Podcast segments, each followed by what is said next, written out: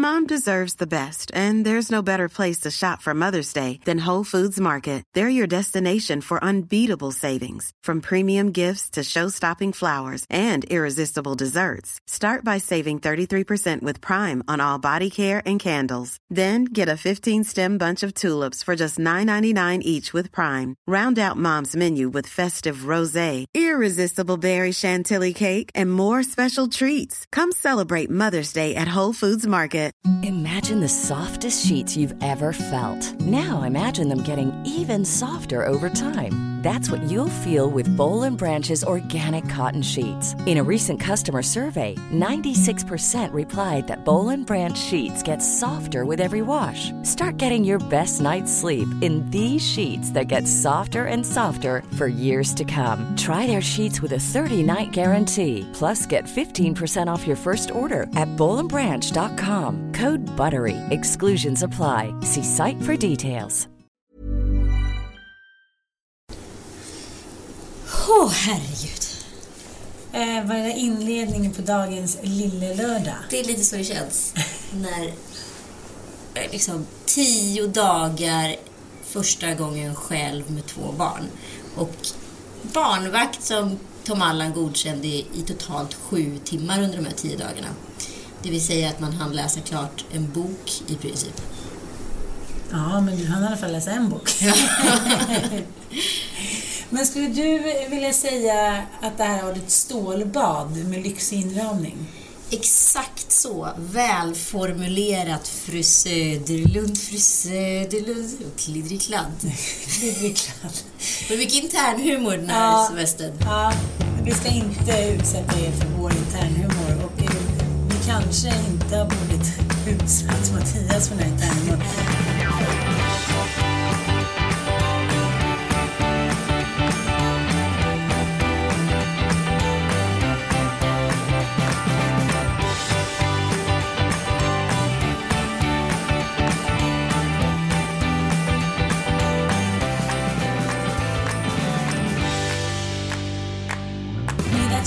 Problem när man reser med vänner som man har samma f- humor som. För det har man ju inte med alla. Nej. Liksom, det, är kanske, det är ju bara tre, fyra stycken som, som förstår en när man säger bara ett ord och så faller man ihop av garv. Ja, men så har det ju varit lite Ja. den här semestern. Jag har ju kunnat formulera, det är ju väldigt konkret våran, vad humorn har varit. Så att man har ju kunnat slänga in det här lilla ordet eller situationen lite här eller där. Och vi båda får, för det är ju det som internhumor är, att båda har samma bilder i huvudet. Lite som en alla går på ADHD-fest. Precis. Ja. Men jag tänker att de enda som egentligen har blivit rika på internhumor, det är ju eh, Schyffert och dem. Ja. Och Filip och Fredrik lite kanske också. Ja, det är sant. Med deras liksom punghår som de klippt av och fäste som skägg. Och, ja. Ja, det, det är i och för sig sant. Eh, Patsy och Dina kanske också är några internhumortjejer. De måste ha suttit på en middag och börjat så här, låtsas att de var två halvpackade damer som så här, Men jag tror framförallt att, så här, att de började liksom så här, navelskåda så här, modebranschen och vad skulle hända om man slängde in de här personerna i det här sammanhanget. Eller rättare sagt, det kanske finns de här personerna i det här sammanhanget som de bara har förädlat och liksom dragit på lite hårdare. Mm. Men de är ju väldigt roliga. De är ju väldigt roliga. Jag tyckte i och för sig filmen var absolut katastrof. Ja, det var inte alls absolutely fabulous, utan det var absolutely catastrophe, skulle jag säga. Fabulous. Men du har hört att det blir en tredje Sex and the City-film? Men alltså, hej, vi har så mycket botox, hur ska det här gå? Jag har bara sett ettan. Den tyckte jag ändå de lyckades med. Då var jag i New York och intervjuade alla skådespelarna. Nej, det här har inte du berättat för mig, Kliddekladd. Kliddekladd. Jo, jag var där. Jag var så sjukt nervös. Jo, men jag åkte dit och skulle göra intervjun för eh, tv-programmet Silikon. Så det var ju ganska länge sedan. Ja. Ja, och eh, det var, ja, det var silikon, ja det var det. Och jag hade precis liksom ammat, varit borta från världen några år och sen så bara kastades man in i typ hajgapet. Du vet när man inte, till slut kände man såhär, jag vet inte ens om jag kan prata engelska längre. Nej. Jag tänkte såhär, jag kommer sätta mig Men det vet jag i och för sig fortfarande inte om du kan. det är någon, någon blandning av allt möjligt. Nej men förstår du vad jag menar? Att man sätter sig där och Ja. så tänker man så här, sen ska jag börja intervjua dem och jag kommer inte få fram ett ord. Nej. Lite så var det också. Men sen eh, Mr Big intervjuade jag också. Ja. Man var tvungen att intervjua alla. Vad heter han? Han heter John någonting. Han ska vara... Ja, strunt samma. Men i början tyckte jag ju att han var härlig. Ja. Men, eh, alltså i början av Sex and the City-serien. Men sen så ju mer serien fortskred, ju mer blev han ju en riktig uppblås mansgris.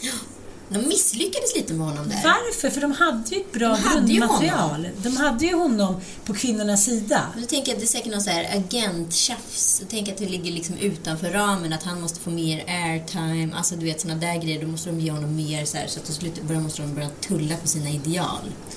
Jag fattar, jag fattar. Men grejen är att jag tror inte de har tänkt så, för de, de andra kvinnorna agerar ju inte som att han är ett svin. De agerar ju bara som att han så här, är missförstådd. Och är lite tokig och Både busig. och. Jag tycker ändå Miranda där lyckas ju ändå vara någon typ av så här, alltså bägare. Hon är ju den som är mest feminist i den serien. Mm, Eh, och vilket man tyckte var så här, gud vad hon är jobbig, kunde jag tänka ibland. När man såg det på liksom, Ja, det här runt jag vet. 2001. Man bara, åh, gud nu håller hon på med sina grejer. Ja. Men hon var ju den som är så här, som alla kvinnor egentligen är idag. Så det ska bli intressant ur den aspekten att se vad Sex and the City 3 har blivit. Men då kom Sex and the City 2001. Jag tror vi till och med kom 99, älskling. Ja, men jag känner igen det där att man tyckte hon var lite jobbig och så här, låt dem vara i fred. Då måste killarna liksom göra samma sak på dig sexuellt som du gör på dem och så här. Och nu, om man skulle kolla om på Sex and the City nu skulle man ju spy förmodligen. Ja, men jag har ju börjat göra det. Har du? Ja, jag, du vet det är det här som händer i ett, eh, vad ska jag kalla det för, varannan vecka-liv. Att nu kan jag ju sitta och tanka serier eftersom jag inte än har kommit på det där att jag så här, jag kan ju gå ut och käka middag nu efter jobbet utan jag åker fortfarande hem som att jag så här, ska hem till en familj. Så är ingen där och man bara nej. Så blir det liksom en filtallrik i sängen och sen börjar man mata serier. Men jag tycker det är så underbart när du pratar om det här. För om, jag, eh, om du hade hört mig eh, i samma situation som du är i nu, när jag, i ny, när jag separerade för fyra år sedan, då hade jag sagt så här, men då åkte jag hem och så insåg att jag inte hade någon familj och då började jag frenetiskt söka kontakt. Det var, alltså sist jag separerade för åtta år sedan, då gjorde jag ju exakt så. Då fick jag panik och drog hem och gick ut. Liksom. Nu har jag inte alls känt något behov av att gå ut. Jag har gått ut vid två givna tillfällen och har varit två liksom, uppstyrda fester, det vill säga en Kent-spelning med efterföljande partaj och sen så en annan middag som har bokats långt innan. Men däremellan har jag liksom inte tagit några, någon typ av spontanmiddagar eller något sånt där. Jag har förstått också att singellivet kräver, en massa liksom planering. Man ska vara om sig och kring sig. Jag är inte liksom riktigt där än. Så just nu mår jag väldigt bra i filmjölkslandet, så att säga. Men jag tycker det låter så vettigt och moget och eh, jag tycker du sköter det bra. Jag vet inte. Jag, jag känner att jag gör vissa grejer... Alltså jag känner mig ganska tillfreds just nu med det här beslutet. Och det kanske hänger ihop med att man kan följa varandra på sociala medier också. Vi skulle då åka, du och jag och Kalle och Mattias och barnen skulle åka på en göttig julresa till våra vänner Ida och Filip på Kinondot Kweto i Kenya. De har alltså ett, ett, ett vad ska man säga, pang här. det är en resort. Ja, en fantastisk resort. De har ju bott här i 13 år och startade den här. Nej, de har bott här längre, men de startade den här för 12 år sedan. Mhm. Och eh, ja, det byggs på hus på hus på hus. Och nu kan, tror jag att de totalt har 34 gäster samtidigt. Var det inte 44? Ja, kanske var. Ja. Nej, men jag pratade med en Lora i, eh, i poolen i morse när jag var och simmade. Det låter som att jag har varit väldigt sportig. Jag vill gärna Ja, framhäva. jag vet det. Tennis. Ja, två, två bollar fram och tillbaka över Ja. Ja, nej. det var ändå tennis. Check. Simning. ja, några längder, inte ens en längd, en halv längd med en paus på. Ja, men jag det är hittade, hittade ett sånt där eh, simglasögon. Det var jättekul att titta under ytan. Men vi är i alla fall här och helt plötsligt, hastigt och lustigt, så skulle Anita och eh, Kalle eh, separera. Och, Nej, nej, nej, nej. nej. Vi bokade ju den här resan i september, älskling. ja, Ja, och sen så vad heter det, har den här separationen kommit upp. Vi, vi bokade på lite senare. Ni bokade på lite senare. Där tyckte kanske inte Mattias var det roligaste upplägget han hade varit med om. För det är väldigt privat när man är här. Det kan vi ju erkänna. Gud ja. Ja. Det är väldigt, alltså nu har det varit liksom en stor, två stora svenska familjer här med, med deras respektive vuxna barn och flickvänner etc. Eh, så de har ju vi umgås ganska mycket med, måste man ändå säga. Eh, och sen så har det varit liksom en, en anmärkningsvärd britt som dök upp. Det är så roligt också när man har varit tillsammans med några och man har väl så här, blivit en homogen grupp. Det är lite, blir ju lite som ett så här, mikroparadis. Och så kommer det in liksom en eh, britt direkt liksom utifrån och, och liksom kanske kommer med någon typ av energi i kroppen. Det första mannen gör när han kommer hit sätter på sig sina små speedos, går rakt ut i vattnet, kliver rätt på en sjö- sjöborre. Blir liksom, ja, blir någon som sitter och plockar ut 50 taggar från honom. Sen vid frukosten så klagar de på barnens iPads. Alltså det är ingen annan som har gjort det hittills. Ja men du vet, det blir ändå liksom, han skapar en friktion här helt plötsligt. Och blir därför lite avvikande. Men jag måste ändå säga den här familjen, den stora familjen som jag umgås med. Några kommer från USA, några kommer från... eh, Ja, ja, de har liksom sammanstrålat här. Det är en stor svensk familj. En syrra och... Ja, men två syrror och deras familjer och barn. Ja, så kompisar. Ja, och vi har ju hängt med de här då och de är helt eh, fantastiska. Och då känner jag så när de sitter där på kvällarna med det där långbordet och alla liksom är gifta med varandra fortfarande och alla känner till varandras interna små krumelurer och fel och brister. Och liksom, det är en väldigt stark gemenskap. Det ser Absolut. väldigt häftigt ut. Och där har man ju en bra grej med liksom att hålla ihop. Men det finns ju också många dåliga grejer med att hålla ihop om det inte är bra. Men de verkar ha det väldigt bra. Ja, men grejen är ju, det är precis som en semester, eller vad jag ska säga. Just nu, vi kommer vara här, det här är vår elfte dag och nu ska vi åka hem. Och då känner man sig ju liksom lite tillfreds med det. Jag tycker alltid den perfekta semestern är 11 dagar. För att den tionde dagen börjar jag tycka så okej, nu, sin, Absolut. been there, done that, liksom. 14 dagars liksom resor, De är det är för mycket. Ja, nej, De är utan panik. 10 dagar och sen så åker man hem på den elfte. Mm. Men grejen är om man då stannar tre veckor, förstår du, då är man över krönet. Absolut. Då är man över krönet, så då kan man helt plötsligt börja tänka så här, ah, fan vad det här är härligt. Gud vad trevligt det är. Ehm, ja, men jag kanske stannar i tre månader, vem vet? Där tror jag är samma sak som i en relation. Att kommer du inte över krönet, då vill du dra. Det är faktiskt sant. För jag tänkte på det i min förra relation. Krönet är ju den här åldern av små barn fram till liksom sex, sju år skulle jag säga. Men hur ska kärleken kunna spira? Där är någonting som jag får jobba med mig själv, som jag jobbade väldigt dåligt med i min förra relation. Att jag trodde att så fort man fick en timme över eller man åkte någonstans, då skulle det per automatik bli situationsromantik, ett ord som jag nu har fastnat för. Även om man hade tre ungar under fyra år så trodde jag liksom att man skulle så här, slänga av sig kläderna och hångla i ett vattenfall och sen liksom köra hardcore sex inne på toaletten. Alltså, jag var helt övertygad om att så fort man bara med viljan skulle man klara av det. Men det blir ju inte så. Nej. Utan det blir ju sådär, när man väl kommer hem då med, med två sovande barn som vi har gjort här på kvällarna, ja, då är shh, så ligger alla i samma säng och så är det någon mygga och så är det någon unge som ska kissa eller har någon liten macka. Sen är liksom den där, den där lilla stunden där man så här försökte sätta in liksom en sexuell tå, det är över. Och jag vet inte, det kanske inte finns så mycket att göra. Det kanske bara är här, vänta ut den här tiden. Och, Ja. tänk, och tänk att situationsromantiken är lite när man så här, har gått och badat själv på morgonen och så ser man varandra och ger varandra en liten kyss vid frukostbordet. Det är kanske det man får vara nöjd med. Ja, men jag tror inte man får liksom, det är lite som, nu ska jag inte vara elak mot dig här på något sätt, men du har, ju- du har ju i grunden en rastlöshet i dig och du vill hela tiden förutsätta att gräset är grönare på andra sidan så du vill ut på diverse äventyr. Sen slutar det oftast med att de där äventyren blir ganska jobbiga. För det är ju här det är ganska härligt att vara. Liksom. Eh, och det är väl lite så i en relation med, alltså, utmanar man ödet för mycket då blir man ju också så här då finns ju, alltså är ju risken större för missnöje. Om man hela tiden sänker liksom Förväntningarna. förväntningarna eh, då det, blir det ju inte heller så mycket hög insats. Förstår du? Nej, jag vet, men jag tycker att det där är liksom... eh, Jag tycker den är svår. Den liksom vågen som man ska lägga sina egna önskningar och krav och liksom vad man själv behöver för att må bra och liksom det övriga.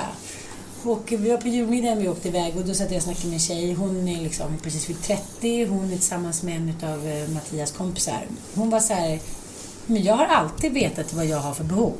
Jag har alltid sagt det. För jag är så här, men gud, hur ska man göra då? Och hur ska det gå till? Hon, hon säger det, men jag säger bara så här, så här vill jag ha det och så är det. Och det behöver jag för att må bra. Och det får liksom min man, eller vem det nu handlar om, tugga i sig. Och han köper det liksom. Absolut. För det tycker jag är den grundläggande så här, problematiken. Att män hela tiden, i alla fall enligt mina liksom, erfarenheter, känner sig alltid att så här, de har blivit liksom inlurade i något. I ett den här, vadå ska jag ta barnen nu? I två timmar om du ska göra det. Va? Man bara, men så här, ja, alltså jag gör ju det för dig. Men jag gör ju ingen dramatik runt det. Eh, jaha, ska du gå iväg? Jaha, alltså att det är det här jazz och liksom problematiken. Och en man som då bara så här, tuggar i sig att det är liksom, ja, men så vill hon ha det. Det måste ju vara drömman. Men jag vet inte hur många resor jag har varit på där jag, liksom så här, att jag har fått det tillbakakastat sen. Nu är vi här i fjällen och det är så jävla jobbigt. Och bla bla. Ungefär som att jag själv har tagit de här besluten. Ja. Det tycker jag, nästan alla män jag har varit med, så känns det, när någonting skaver lite eller inte riktigt blev som vi hade tänkt oss, då är det per automatik kvinnans fel. Men det där är så intressant. Vårt sista bråk, mitt och mitt ex, där stod han i köket och skällde ut mig för alla de här semestrarna där vi hade åkt på, hur så mycket pengar vi hade spenderat. Och jag var så här, men herregud, har jag hållit någon typ av trollerimedaljong framför dina ögon? Var inte du med mig på de här resorna? Och på, på det vi gjorde. Alltså så här, vad exakt är det som jag har bidragit med som inte du har bidragit med? Vi är ju två om det här och så tycker jag att det är så många gånger. Jag tänker ju nu, eh, liksom det, jag tyckte att jag haft en fruktansvärt tuff höst. Liksom, kan väl jag erkänna. Liksom, och man sörjer ju på olika sätt. Sorgen kommer ju olika till olika människor. Just nu känner jag att jag så här, har landat i det här beslutet och det känns väldigt bra. Och på något sätt så är det ju så här, för mig är det ju liksom en win-win. Alltså ha den bästa produkten utav en relation, det vill säga två ganska sköna ungar, eh, varannan vecka.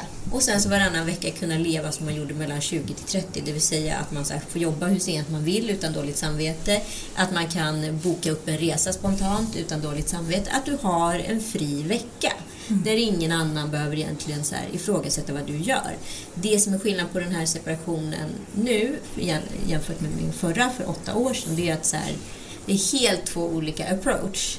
Sist bara så här, skulle jag gå ut och få bekräftelse och det var så mycket hela tiden när jag kom hem från jobbet och sen så gick jag ut klockan halv ett varje kväll och så kom jag hem och så cyklade jag till jobbet klockan halv åtta och skulle vara så jävla duktig hela tiden tills jag kraschade i princip. Liksom. Nu känner jag bara så här, jag känner ingen stress att så här, gå ut, jag känner ingen stress att träffa en ny människa, jag känner ingen stress, jag känner mig nästan liksom så här avpoliterad, förstår du? Det är som 50 procent utav så här emotioner på olika nivåer har, så här, går, har gått ner på halvfart. Jag är liksom så här, jag liksom, så här zonen under min, min navel, den existerar för tillfället inte överhuvudtaget. Jag tänkte lite på när vi pratade om det i förra podden, när jag också kände lite så att så här, vi är två kentauers Ja. just nu. det är världens roligaste hittepådjur, kentaur.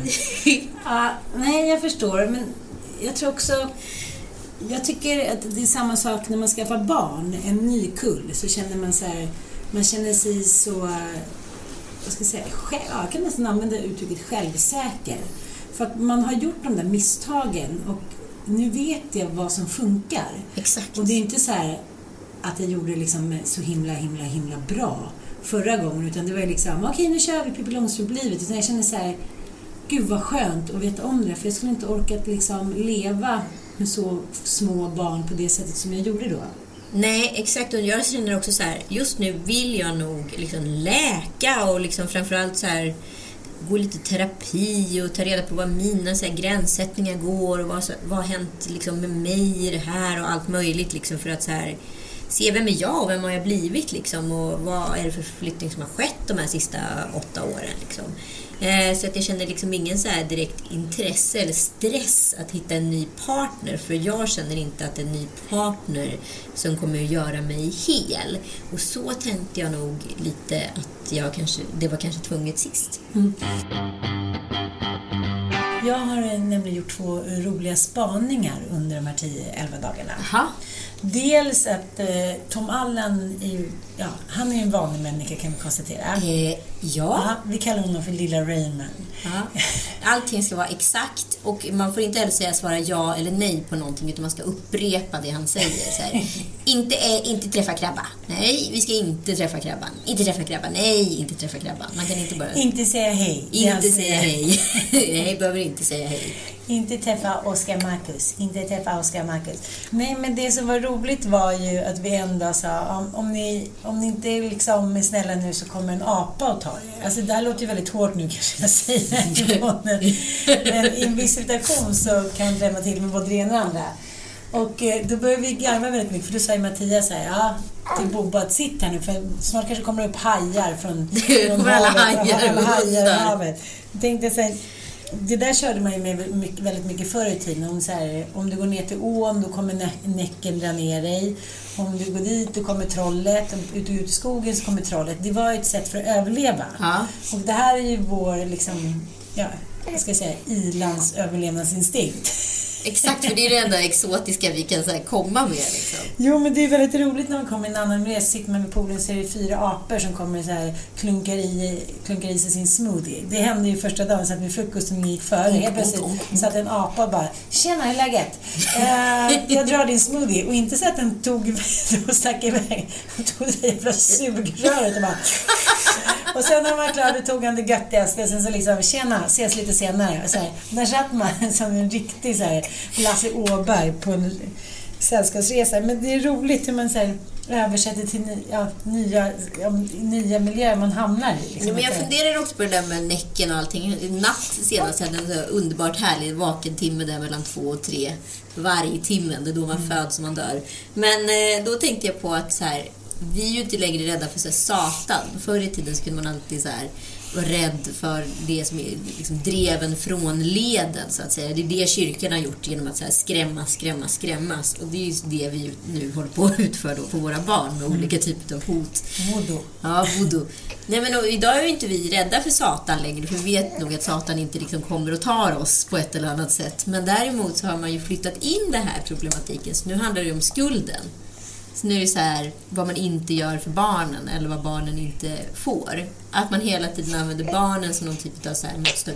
Är du en god förälder nog? Nu kommer dina barn missnöjd. Oj, nu, nu fick inte dina barn den perfekta julaftonen. Ja, så här är det. Och vi har gjort lite så här eh, ju- julspaningar.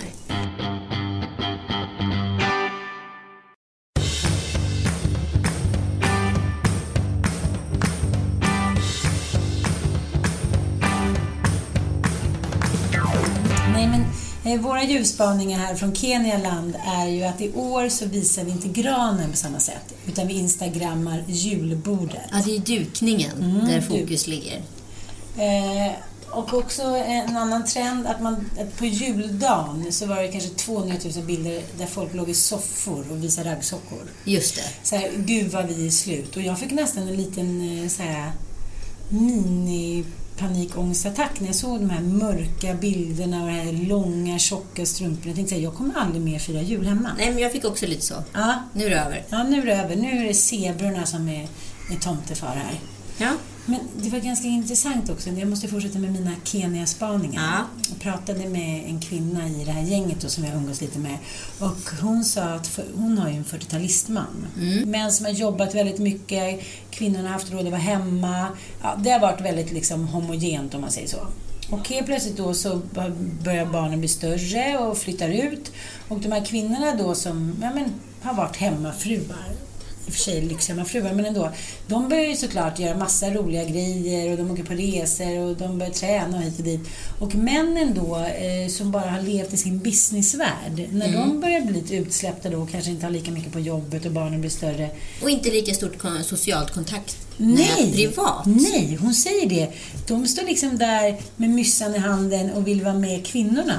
För de har liksom inga killkompisar, de har inget socialt nät, de vet inte vad de ska göra när de har tid. Ja, men jag gillar liksom våren uppboken med olika så här, tjejresor och grejer och hitan och ditan ska vi och det är alltid från jobb. Ja, alltid från jobb till nöje. Men, men liksom, eh, jag kan ju tänka mig att det kanske är lite svårare för en annan part att göra samma grej liksom. Jo, fast jag fattar inte det. Nej, men det är ju lite som man bäddar för man ligga. Jo. Och det verkar ju vara något så manligt genetiskt drag. Men det är lite som att männen sluter sig i sitt snäckskal. Och vi, liksom, vi är eremiterna som vi kliver iväg på stranden och ser nya horisonter. Precis. Men jag tycker ändå... Ja, men det är det som också är härligt med att vara singel nu jämfört med för åtta år sedan. Jag är så här, för första gången i mitt liv har jag lite pengar och lite liksom fri, frihet. Jag behöver liksom inte sitta hemma längre på samma sätt på kammaren och vänta på att bli försörjd. Utan nu kan jag göra det själv. Liksom. Då blir ju också en man ur den aspekten ännu mindre viktig. Helt överflödig. Nej, inte helt överflödig, men halvöverflödig. Ja, men, men eh, då sa hon så här att hon och hennes vänin- väninnor brukar säga så ska vi skaffa en playdate till våra män. Nej men gud Ja. vad roligt. Men du vet, de har alltid varit superior, de har varit alfahannar, de har så här, varit big businessmen. Och så ser plötsligt blir de lite äldre, får lite tid över och då, då blir de helt identitetskris. Jag vet inte riktigt vad de ska göra. Så då, får säga, då vill de följa med sina fruar och leka. Jag tycker det är ganska spännande. Det är så Ja. spännande. Så det tyckte jag var en liten rolig analys. Ja, för den generationen som egentligen kommer efter sen, den sena 60-talisten och tidiga 70-talisten, de männen är ju oerhört mycket mer socialt bundna. Det här är så spännande, man kan ju prata Mm. ihjäl sig om det här. De är ju så mycket mer, i alla fall i de kvarteren där jag bor, då är det allt från att folk åker på jakter till att de liksom åker på olika gruppresor i samma intresseform. Kan man säga så? Ja. Det är ju där liksom precis som ett sällskapsspel blir hos en familj som kanske har svårt att kommunicera med varandra. Där liksom, då kan man prata om spelet. I, I de här grupperna kan man prata om intresset. Och det är ett jättebra sätt att umgås på, för sen kommer ju allting vidare i förlängningen. Men jag tror i grunden det är väldigt viktigt att ha ett gemensamt intresse. Men jag och min, min bästis Brisen, vi säger ofta så här, men när vi blir gamla då ska vi bo ihop och bli kära i varandra. Typ. Fast vi, vi är ju kära i varandra som vänner. Men har vi någonsin hört två gubbar som har slagit sina påsar ihop och sitter i något gammalt hus? Det finns ju jättemånga gamla gubbar som har så här, stora villor och lägenheter. Och, men precis som det finns tanter som har sina bästisar som de flyttar ihop med på ålderns och reser med hela tiden och hänger med liksom precis som att när man vore tonåring. Det skulle vara så himla härligt att se en gubbe som gör det med en annan gubbe. Jag tänker både som när man blir liksom äldre, då blir det lite som att man går tillbaka till tonårstiden när man är tanta Lora. Ja. Då får man liksom hänga hur mycket man vill med sin bästa kompis. Och man reser och man kan bo ihop. Och... Men det skulle vara så himla härligt om man någon gång såg en gubbe som gjorde det. Men vad glad jag skulle bli. Så, nej, våra, vi lämnade våra fruar eller vad det nu hände. Och, ja, vi kunde väl lika gärna bo ihop det eftersom vi alltid umgås. Och sen så åker vi på semester ihop och så, ja, så träffar vi andra gubbar och hänger med dem. Ja. Det, hänger, det händer ju inte liksom. Nej, jag undrar vad det handlar om. Att, det, att de inte vet att man kan. För jag tycker även den generationen som våra män och ditt ex är i, så är liksom, de blir så handfallna när de blir ensamma, när ingen gör upp ett schema åt dem. Då är det lite så här, jag kommer ihåg när jag och Sanna Lundell var på eh, ja, men resa med barnen förra liksom, midsommar. Så ringer jag hem till Mattias, det spöregnar i och för sig. Det, det ger jag honom. Men då är han så här, ja, jag ligger här och kollar på en dålig film. Jag bara, men Nej, men det där förstår du ensam på midsommar? Är du galen? Det är liksom, det jag. får Nå, någon ska man inte. engagera sig. Ja, och sen så går ja, det säger men det är ingen fara, jag tycker bara det är skönt att vara själv. Men sen så börjar ju liksom, sen börjar kvällningen gry och klockan är sex och där sitter han i vår lägenhet i stan och tycker ju såklart jättesynd om sig själv då. Men det där är ju väldigt intressant, för det där ser jag som så här, när, när jag studerar Tom Allans liksom, eh, behovs eller rörelsemönster, då är det så här att ja, han, han får någonting och så blir han arg på det. Och då slänger han det på golvet och då börjar han gråta för att då vill han helt plötsligt ha det som är på golvet. Då blir det synd om honom att, den är, att det är där. Och så vidare. Och det är ju så här, han skapar en kultur eller ett, ett sätt som, liksom, ja, som man själv liksom lite faller offer för. Och då blir det liksom synd om honom. Alltså han gör ju ingenting åt situationen. Där kan jag se en tydlig skillnad på så Penny och honom, att de är här två olika personer på det sättet. Och jag kan ju uppleva, jag vet inte om det är manligt kvinnligt, men för mig är det draget väldigt manligt. Och jag vet inte vad det är. Men det är väl lite som aporna. Ja. Alfahannarna sitter där liksom och så sitter lite tjejer under och du vet plockar små löss och pluttrar och sen så försvinner de. Då blir de liksom håglösa. Det är lite som att De har inget att göra där silverbacksen ifall inte eh, honorna finns där. De har ingen att vara ball för liksom. Men det är lite som att männen har vaknat upp till en mardröm. Ja. De har haft det så göttigt i alla år och helt plötsligt så är inte det... Det ska bli jäkligt intressant att se vad det här blir och det ska vi utveckla i vår scenshow i vår. Exakt, som kommer åka ut på turné och kommer inte ha så egentligen så mycket koppling till podden utan det kommer vara en föreställning om 90-talet. Utan att göra någon som helst aspiration på Henrik Schyfferts briljanta idé. Mm. Utan vi pratar om 90-talet från ett kvinnligt perspektiv. Och Från vårt perspektiv, Ja. det gjorde och för sig han också. Jo, men alltså att vi upptäckt, trodde ju att det var en ganska korkad era men har i efterhand insett att den var mycket mer feministisk än vad vi tror. Och eh, också varför vi är svartsjuka egentligen på 90-talisterna. Vi borde egentligen ta hjälp av dem, kan man säga. Tiden går ju framåt. eh, Men i Afrika så, så har den på många sätt eh, stannat av just vad det gäller utveckling för kvinnor och feminism. Och det här har att göra med att barnen inte går i skolan, tjejerna går inte i Och skolan. en av de bästa feministiska nobelpristagarna från Afrika är väldigt intressant. Mm, ja, men det är ju ett väldigt liksom, komplext land. Men jag var iväg på den här kliniken som faktiskt Ida och Filip har startat. Jag tycker det var en rolig historia bakom att eh, de hade en bil här. Och, eh, och så fort någon skulle födas kom det hit och sa vi måste låna bilen, vi måste låna bilen. Och sen när det hände liksom hundra gånger i veckan så blev det lite jobbigt att de skulle sitta och vara chaufförer. Så då, eh, ja, nej, då faktiskt startade de den här kliniken och har fått liksom founds från Sverige och kläder från olika sjukhus och maskiner och hit och dit. Men då var jag i alla fall där och hälsade på och då pratade jag med Harris som är liksom någon form av ja, men hustomte där och då gick vi, bara hamnade vi mitt liksom, när vi skulle hälsa på några kvinnor i en grupp. Och då var det en grupp, då en stödgrupp för hiv-smittade. Mm. Och då berättar han att det, det är ju så här att här i det här området så får en man ha fyra, fyra fruar. Och man behöver inte gå till någon domstol om man ska skiljas utan det, det räcker med att man skickar iväg ett papper tre gånger typ till frugan så är det över. Mm. Så det som händer då när de här kvinnorna ska skaffa barn och gör ett hiv-test och det visar sig hiv-positiva är att männen lämnar dem. Mm. Så du skaffar de hiv med någon annan? Ja, men de tar inte själva tester. Nej. Nej, det är lite som i Sydafrika att man eh, våldtar en oskuld och tror så här, Mm. att det då ska gå över. Så då sitter de här kvinnorna med hiv och kan inte vara en del av samhället riktigt för att de får ju inte då amma. Just det. det kan övergå i, i bröstmjölken då. Och då, så är, då sitter de kanske på en middag eller ett bröllop och säger så här, varför ammar du inte för? Har du hiv?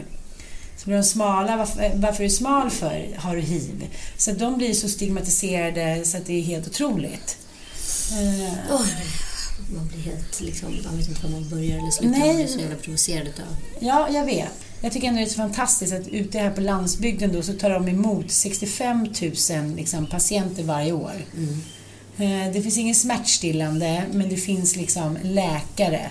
Och då berättade en volontärtjej, Pauline som jag pratade med här, att hon har varit här i två månader, åkt hit direkt efter gymnasiet. Wow. Bara, vad gjorde man själv direkt efter gymnasiet? Åkte typ, drack shots i Sankt Anton.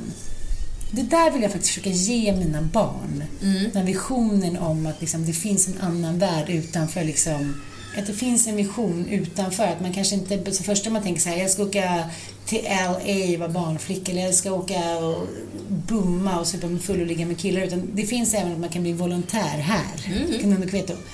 Och då sa hon att innan så hade ju då de här, vad ska man kalla dem för, häxkvinnorna. Mm. Vad säger man i Afrika? Ja, alltså Voodoo, shamanen. shamaner. Finns ju i varenda litet hus. Och det ska ju masseras och det ska häxbrygder hit och dit. Och de stjälpte ju mer än de hjälpte såklart. Ja. Ja men förlåt. Jo, jo, men de, alltså, de gör ja. såklart mycket bra också. Men, men, eh, så att nu har de integrerat de här eh, shamanerna i kliniken. Det är ju bra. Så de avlönar dem och de får vara med och vara ett stöd till de här kvinnorna som föder. Så win-win situation. Men de håller inte på med sin liksom... Häxkonst. Nej, precis. Nej, för det som i Uganda var det ju att man fick ju ganska mycket giftiga örter för att till exempel kunna stöta ut ett oönskat foster. Ja. Men ofta så strök man ju med själv då. Och Då Precis. gick man till shamanen och tog den risken istället för att gå till kliniken och få ett abortpiller. Mm. Även fast det var eh, gratis på grund av att det var bistånd. Liksom.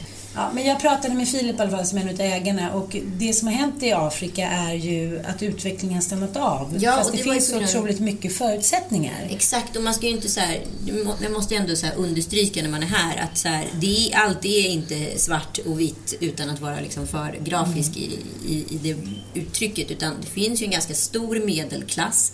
Det finns ganska hög utbildningsnivå. Det finns både vita afrikaner, folk som faktiskt är födda andra, tredje generationen här och det finns också så här, såklart svarta afrikaner och kenyaner just i det här fallet. Och liksom, det som är grejen är ju att eh, Men däremot är ju fattigdomen så otroligt mycket mer påtaglig. Men det finns ju också ett riktigt samhälle, om man ska säga det som, som påminner mer om ett västvärldssamhälle. Nairobi exempelvis, det är ju lite så här Afrikas, eh, Afrikas New York och likaså eh, Nigeria är ju också ett så superstort handelscentrum och Uganda börjar ju också bli liksom en riktig liksom, handelsnation. Så att det är ju på gång, men varför det inte hade funkat var ju... Eh, National Geographic hade ju mm, gjort mm. en kartläggning av varför inte Afrika hade kommit med i matchen. För om man kollar på alla länder runt ekvatorn egentligen, eller ovanför ekvatorn, så är ju liksom färdvägen, båtvägen har ju varit till USA och till liksom övre Asien. Och sen så har ju liksom så här, Afrika lite så knoppats av. Det har gått ja. till Indien, det har gått liksom till Australien av någon anledning och så vidare. Liksom. Men det som var grejen var ju att Afrika var så otroligt hårt land att ta sig igenom. Dels mm. var det svårt att så här, ta sig ner sjömässigt. Eh, alltså via haven, för det var väldigt så här, kraftiga, alltså ni vet Kap Horn och allt det är ju superkända, mm. liksom, svåra liksom, resmål till sjöss. Sen har vi också liksom problemet med hästen. Att den inte kunde ta sig via Afrika för den dog på grund av sjukdomar på vägen. Och likadant var det med, det finns ju kameler nere i södra Afrika. De kunde inte heller ta sig upp för de klarade inte heller liksom insekter och parasiter etc. Så att man har liksom inte kunnat tagit sig riktigt till eller från. Utan man har blivit fast här. Mm. Vi pratade om det där, hur lång tid det skulle ta att acklimatisera barnen. Mm. Nu har ju, Bobo är ju ingen liksom, uppkopplad dåre direkt. Nej. Men mina andra barn är ju det. Ja, men det är mina barn ja. också. Men tre dagar, vad trodde vi? Ja, jag tror, jag tror är en tuff vecka skulle jag säga. Ja. Det är ungefär som att sluta med napp eller blöja. Eller liksom. Det kommer vara en sån avvänjningsfas. Mm. Vi har ju avvänt Bobo med, med öten. Ja, ni har gjort det nu. Ja, men ni lyckades. Den tog ju slut. Ja, ni var ju tvungna. Nu säger jag ju macka istället. Ja, det är ju bra. Ja, är det bra? Alltså, varför, jag förstår inte varför de ska äta när de vaknar överhuvudtaget med natten. Det är så stört. Det är orala. Det är orala. Ja, undrar. Men nu kommer vi in på det vi pratade om, överknuten. Vi funderade på om du, Ann, överknyter dina barn genom att ha ammat dem så länge. Vi pratar hela tiden om att man är så här, liksom, anknytningen. Alltså att man är anknuten, men du är ju fan överknutit dem. För men... du har ju blivit deras slav. Mm. Du går ju 150 liksom, ärenden åt dem per dag.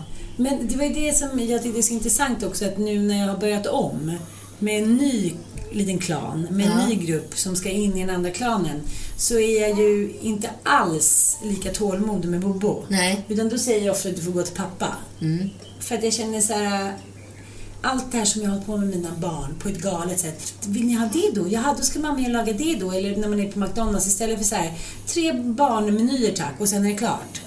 Mamma, jag vill ha sex stycken chicken nuggets, tre stycken sådana, en hamburgare utan, eller en cheeseburgare utan cheesen och ketchup. Ketchup vid sidan om. Alltså jag har ju tillbringat åratal av mitt liv med, med att göra den extra perfekta, perfekta extra beställningen.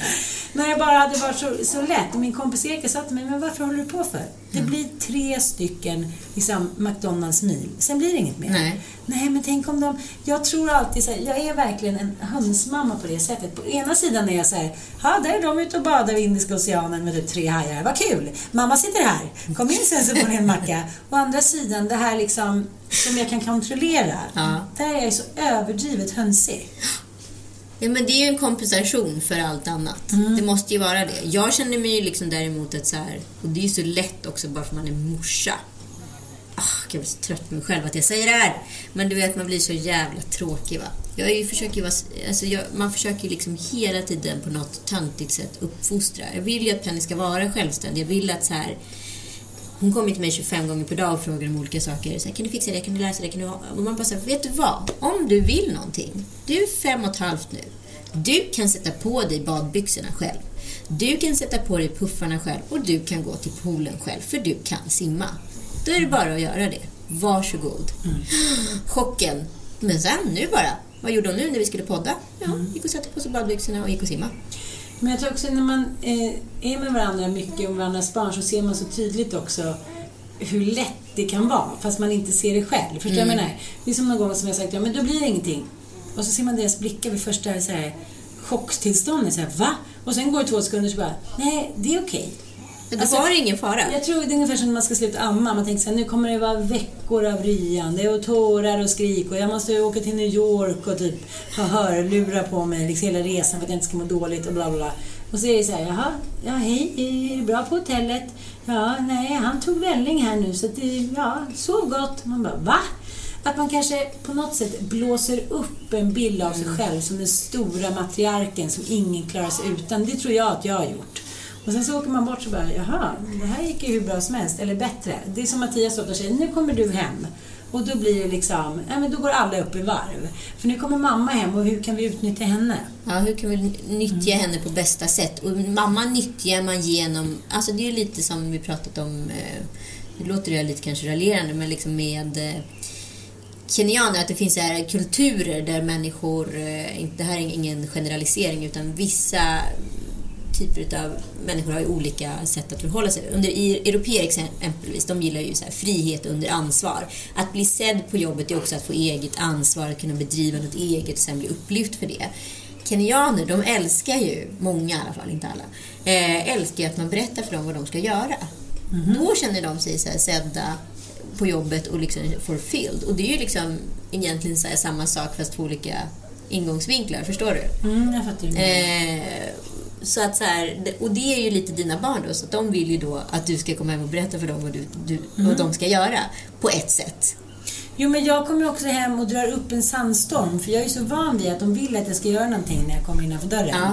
Så att jag är så här, okej, vad sätter jag igång? Eh, är det några som har bråkat? Ska jag medla? Är det någon som vill ha kanelbullar? Så, är någon som inte är nöjd? Exakt, det är det det handlar Vilket om. skapar Vem ett är missnöje. inte nöjd? Vilket de hemma hos pappan aldrig får tillgång till detta.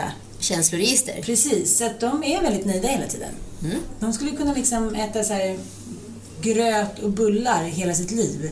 Dante säger ofta så här, nej, den kycklingen är inte god. Den enda kycklingen som är god är den pappa gör. Och de är väldigt liksom välvilligt inställda till det mesta.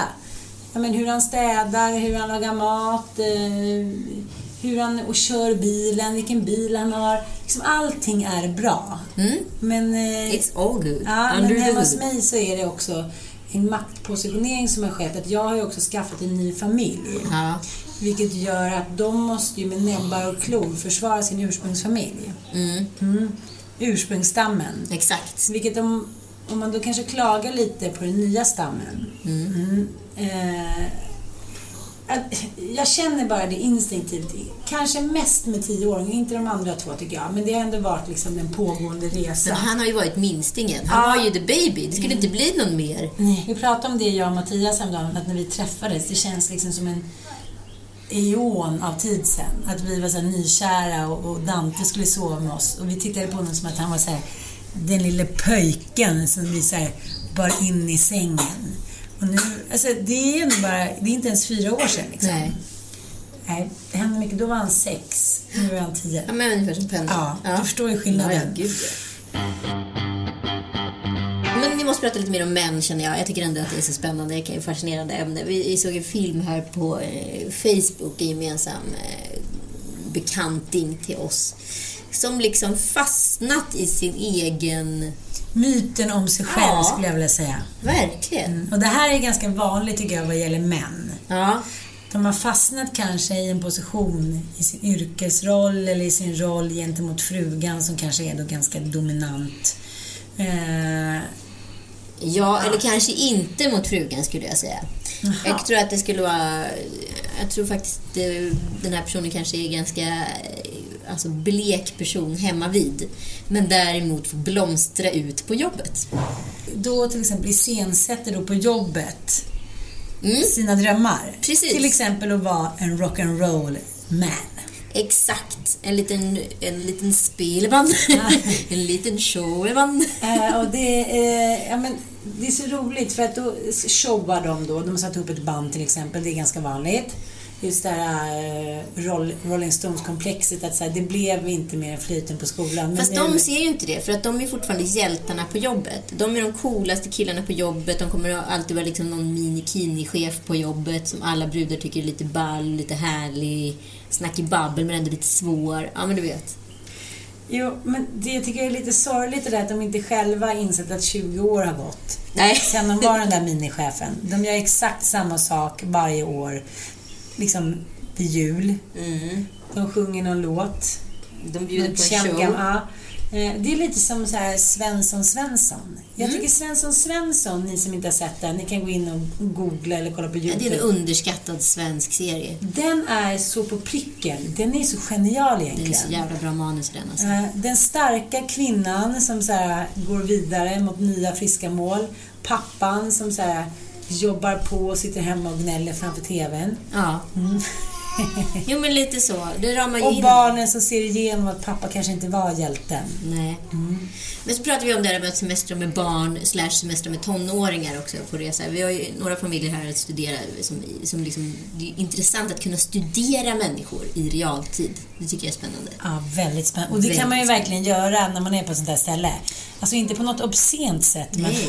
Men bara att man så registrerar liksom familjebildningarnas mönster och olika roller människor har och så vidare. Men vi har ju liksom en familj här som är här med sina två tonåringar som är i den här sköra tonårsåldern, någonstans mellan 14 och 17. Där de i princip är kroniskt uppkopplade. De sitter vid frukostbordet med liksom lurarna i, säger inte ett ord. De ligger vid poolen med lurarna i, säger inte ett ord. Igår kväll gick jag ut och tog lite surf och ringde ett WhatsApp-samtal till min väninna. Eh, och då låg min sann i skuggorna, den ena tonåringen, med lurarna i. Ja, de där går det fanns surf, lurarna. Ja, Ja. där det fanns surf, där var de.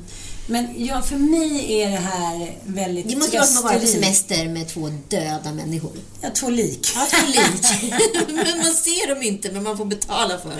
Tonårsliken, det är så här, eh, icke win-win situation.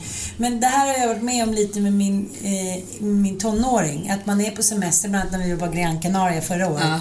Och jag tror att han är konstant olycklig. Ja, precis. Mm. Blir, du, oro- blir du orolig? Nej, men då mår jag jättedåligt och kan inte riktigt slappna av och så här undrar, försöker prata med honom. Men när jag ser på den här semestern eller på andra semestern när barnen inte är med, att de är likadana och de kanske inte heller är olyckliga. Nej. Det är bara en sån fas man går igenom. Att jag var ju aldrig sådär. Så Nej. jag kan ju inte identifiera mig. Jag var ju sån. Jag, liksom, många säger så här, att tonårstiden var så jobbig, man gick igenom så mycket. Det har jag inget minne av överhuvudtaget. Nej, jag satte upp shower och jag startade fotbollsföreningar och jag... Nej, men jag tyckte att tonårstiden var jobbig, men med mina föräldrar mellan liksom 14 och 17 var jag nog väldigt obstinat. Okej. Och där in, liksom, ingick i själva liksom, vad ska man säga, spektrat utav den här obstinatismen, eller vad jag ska kalla det för. Det var att vara så oaktiv i deras beslut och engagemang som möjligt. Och på det sättet då sätta på sig typ, för då, på den tiden fanns det ju inte en podcast eller sådana grejer, men sätta på sig sin CD eh, portabla CD-spelare med tillhörande lurar och gå in i den musikaliska världen. Men blev, blev, blev du och de aldrig rastlösa? Utav den grejen. Ah? De blev ju frustrerade.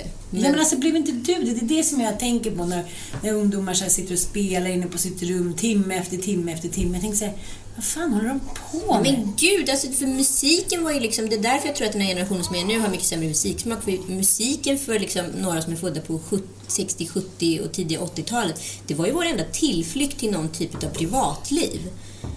Alltså, jag menar, jag, jag kommer ihåg att så här, Listen Without Prejudice, alltså Mi- George Michael-skivan, när jag fick den, alltså jag satt, då tror jag var 11 år. Jag satt och översatte med hjälp av en ordbok varenda jävla text i den skivan. Goggemaj. Gog, ja men alltså så här. Alla dör det här året. Alla, Alla dör. ikoner. Vi pratade om det igår. Va, hur, liksom, varför, hur kommer det sig att de här gamla rävarna, Bowie och Jagger och alla de, de har minsann överlevt fast de har levt liksom som råttor i kloakerna. Men den här nya generationen, 50-talisterna, de liksom bara släcks, deras liv Ja, släcks men det måste ett. vara kemikaliska eh, knarket.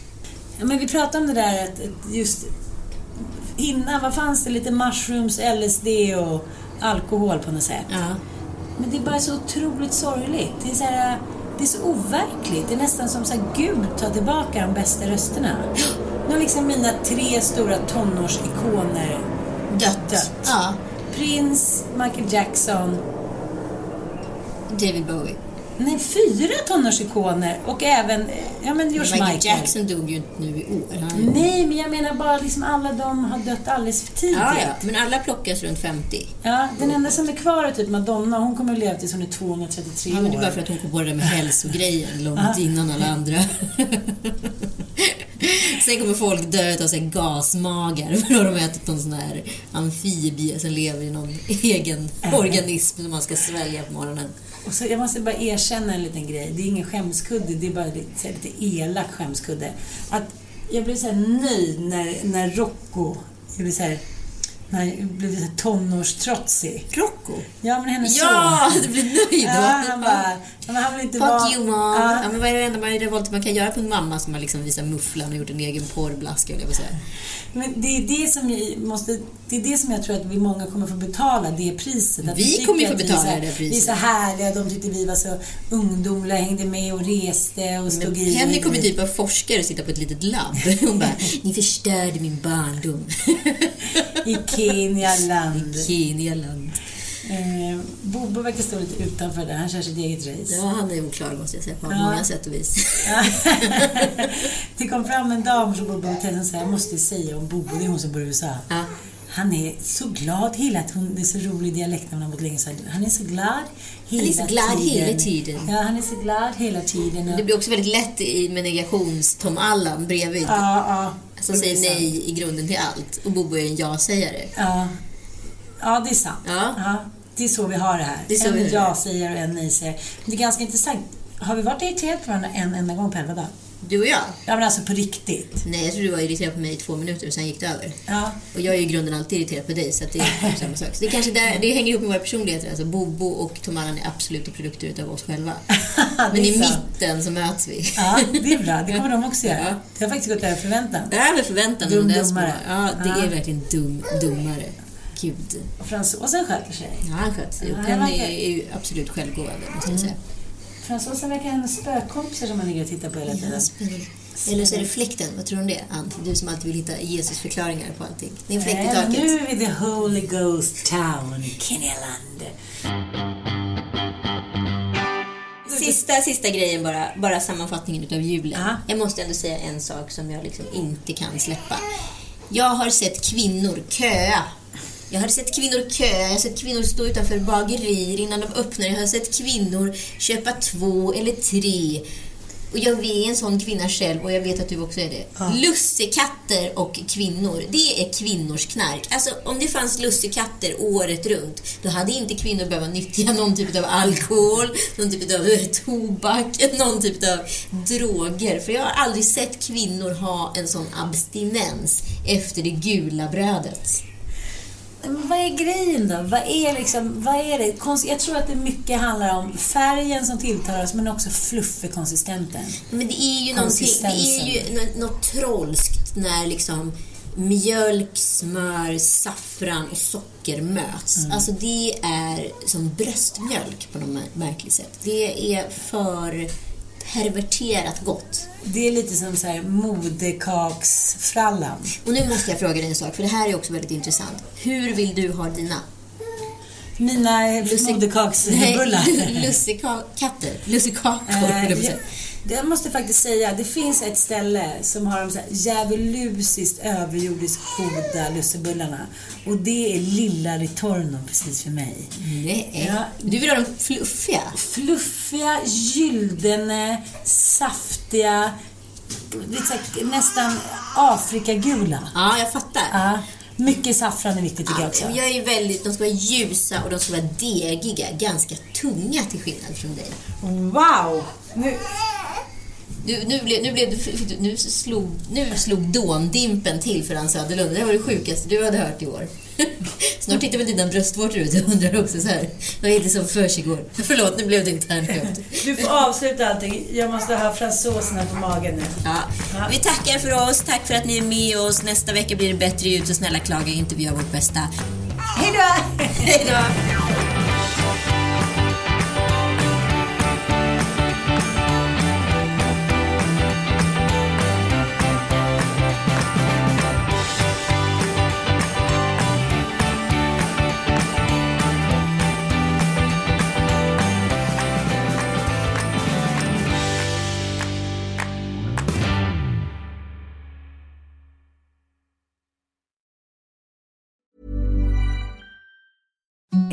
The softest sheets you've ever felt. Now imagine them getting even softer over time. That's what you'll feel with Bowl and Branch's organic cotton sheets. In a recent customer survey, 96% replied that Bowl and Branch sheets get softer with every wash. Start getting your best night's sleep in these sheets that get softer and softer for years to come. Try their sheets with a 30-night guarantee. Plus, get 15% off your first order at bowlandbranch.com. Code BUTTERY. Exclusions apply. See site for details.